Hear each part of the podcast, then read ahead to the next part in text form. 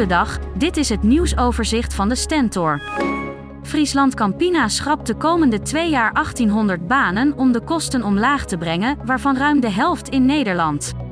Bij bijna alle onderdelen van het zuivelconcern gaan arbeidsplaatsen verloren. Gedwongen ontslagen zijn helaas onvermijdelijk, zegt een woordvoerder van het bedrijf.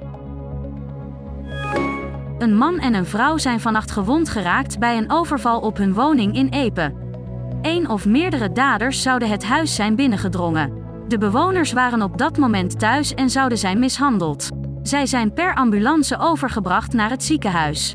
De politie is direct een groot onderzoek gestart en zette onder meer speurhonden in. Een 60-jarige man uit Nunspeet is maandag opgepakt voor een steekpartij eerder op de dag.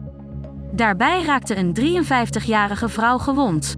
De verdachte sloeg op de vlucht, maar kon na inzet van de politiehelikopter worden aangehouden. Een dag na zijn 60ste verjaardag is John Lammers ontslagen als trainer van Heracles. De tegenvallende resultaten van de laatste periode zijn de directe aanleiding. Assistenttrainer Hendrik Kruse neemt zijn taken voorlopig over. Lammers leidde Heracles afgelopen seizoen nog naar promotie. Hij baalt van de keuze van de club. Veel bedrijven zijn nog compleet onwetend over een nieuwe Europese duurzaamheidsrichtlijn die vanaf volgend jaar stapsgewijs in werking treedt. Ze hebben er nog nooit van gehoord of zijn chagrijnig over de verwachte rompslomp. Dat blijkt uit een onderzoek onder 587 bedrijven, uitgevoerd in opdracht van ABN Amro.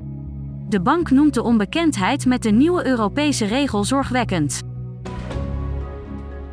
Tot zover het nieuwsoverzicht van de Stentor. Wil je meer weten? Ga dan naar de stentor.nl.